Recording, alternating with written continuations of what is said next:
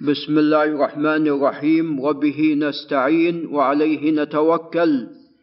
نحمده عز وجل ونثني عليه الخير كله. نحمده حمدا كثيرا طيبا مباركا فيه. ملء السماوات وملء الأرض وملء ما بينهما وملء ما شئت من شيء بعد وملء ما شاء من شيء بعد. ونصلي ونسلم على نبينا محمد وعلى آله وأصحابه والتابعين لهم بإحسان إلى يوم الدين. قال عن عبد الله بن عمر والصواب عبد الله بن عمرو أو قال مجد الدين أبو البركات عبد السلام ابن تيمية الحراني رحمه الله تعالى في كتابه المنتقى من أحاديث الأحكام. قال باب تعين الماء لإزالة النجاسة. وتقدم لنا الكلام على ذلك وأن الأصل في إزالة النجاسة هو الماء ولكن هناك أيضا مطهرات أخرى. كما تقدم لنا فيما سبق ولكن الأصل هو الماء. قال عن عبد الله بن عمر والصواب بن عمرو أن أبا ثعلبة وهو الخشني جرثوم بن ناشر وقيل غير ذلك في اسمه.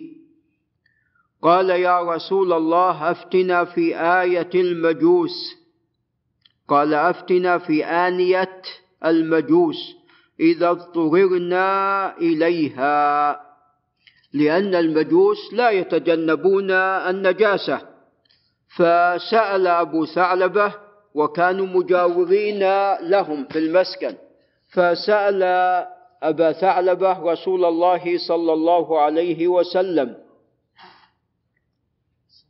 فقال عليه الصلاة والسلام إذا اضطررتم إليها فاغسلوها بالماء واطبخوا فيها. فاشترط شرطا عليه الصلاة والسلام لاستعمالها وهو غسلها بالماء عند الاضطرار إليها. نعم وفي الحقيقة شرطان الشرط الأول عند الاضطرار إليها والشرط الثاني هو غسلها بالماء قبل استعمال استعمال هذه الآنية. فلأنهم يأكلون الميتة وقد يشربون في أوانيهم الخمر فلذا اشترط في استعمالها هذان الشرطان.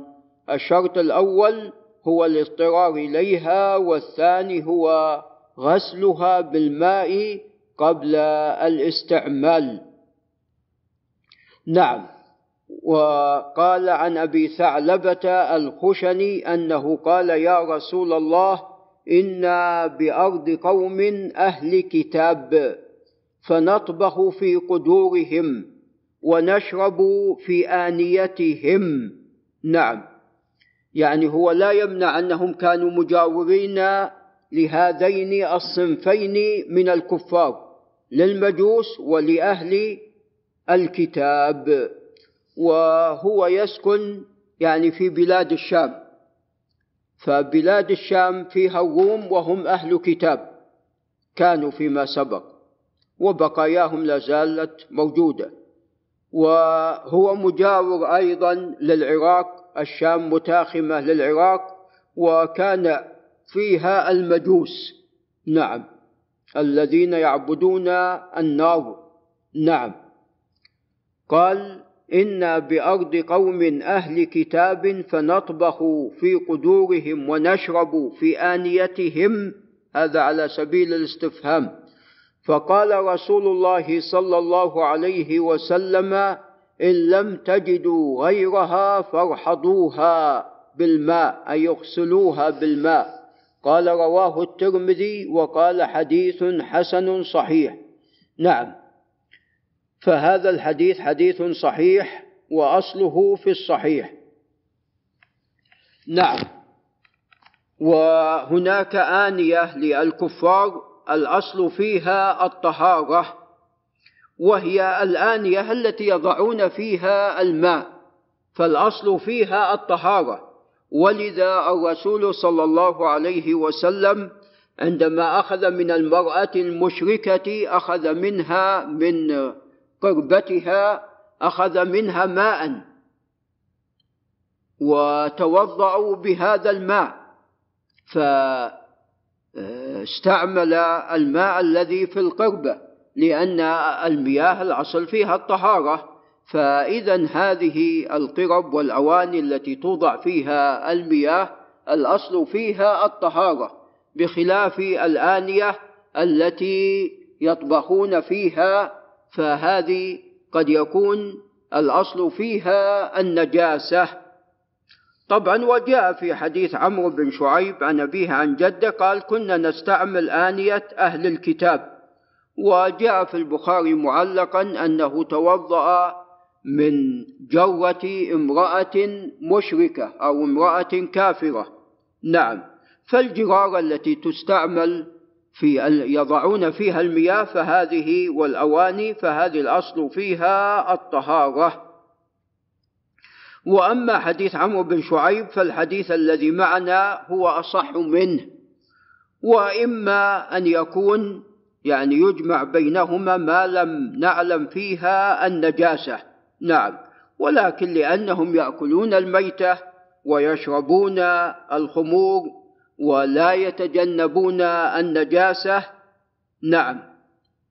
فلذا جاء الأمر بغسلها عند الاضطرار إليها. قال باب تطهير الأرض النجسة بالمكاثرة. إذا تنجست الأرض فهناك آه، شيئان يكونان في تطهيرها. الأول صب الماء عليها والثاني تركها حتى تيبس فيبسها هذا يعتبر تطهيرا لها. ولذا في حديث عبد الله بن عمر وهو في البخاري كانت الكلاب تقبل وتدبر وتبول في المسجد ولم يكونوا يرشون شيئا من ذلك. فالشمس والهواء والريح هذا تطهير للأرض. نعم. وأما إذا كانت الأرض مفروشة بالسجاد فالسجاد لابد من صب الماء عليه إذا وقعت عليه النجاسة وهذا يكون بالمكاثرة وذلك بصب الماء الكثير عليه. نعم.